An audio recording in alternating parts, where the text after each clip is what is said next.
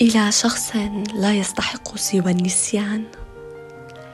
هذه الأيام لا أجد كلمات يمكن لها أن تصف ما أشعر به.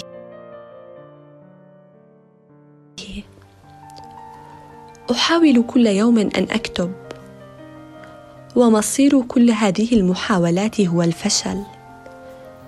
ولكن في هذه اللحظة يراودني شعور أعظم من أن أتمكن من الاحتفاظ به بداخلي بجانب شعوري بإرهاق بالغ. تمكن مني غضب عارم ولأنني لا أستطيع مهما حدث أن أسمح لهذا الغضب بأن يتمكن مني.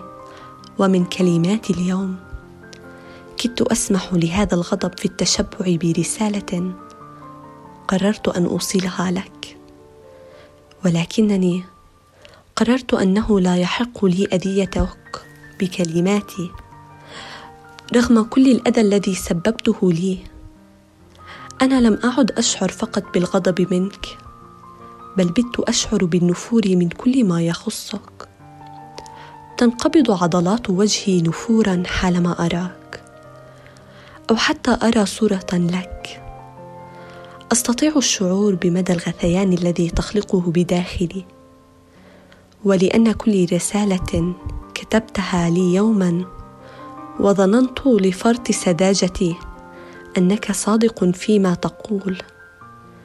أشعر بالكذب بين أحرف كلماتك حتى أنني بت أتجنب مجرد النظر نحو أي رسالة كتبتها لي يوما. كل يوم أتساءل كيف يمكن أن تكون لا مبالي بهذه الطريقة القاسية؟ كيف يتلاشى كل شيء بالنسبة لك؟ وكأن شيئا لم يكن؟ وكيف تتمكن من رؤية الدموع التي دفعتني إلى ذرفها ولا يرمش لك جفن واحد؟ بات بداخلي يقين بأنك لا تستحق أن تعلم أنك تخلق حزنا بداخلي.